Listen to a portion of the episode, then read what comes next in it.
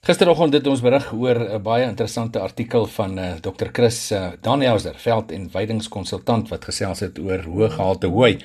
Vandag gesels ons oor spesies. Nou hooi word gewoonlik gemaak van veldgrasse wat nie as aangeplante weiding gebruik word nie.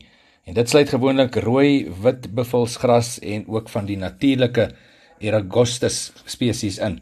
En uh, dit is uh, dekgras, terpentyngras en ander onsmaaklike veldgrasse wat heeltemal vermy moet word.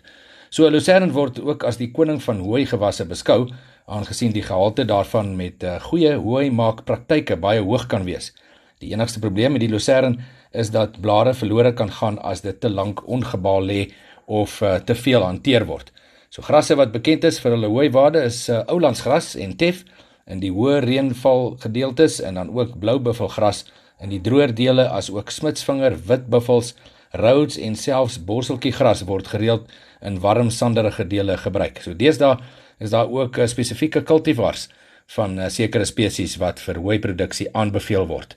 En uh, dit is natuurlik soos oulandsgras se American Leafy as ook Rhodesgras se fine cut cultivar. Die uh, Ganda uh, cultivar van blou buffelsgras is baie smaaklik en word hoofsaaklik vir somerweiding en staande hooi gebruik.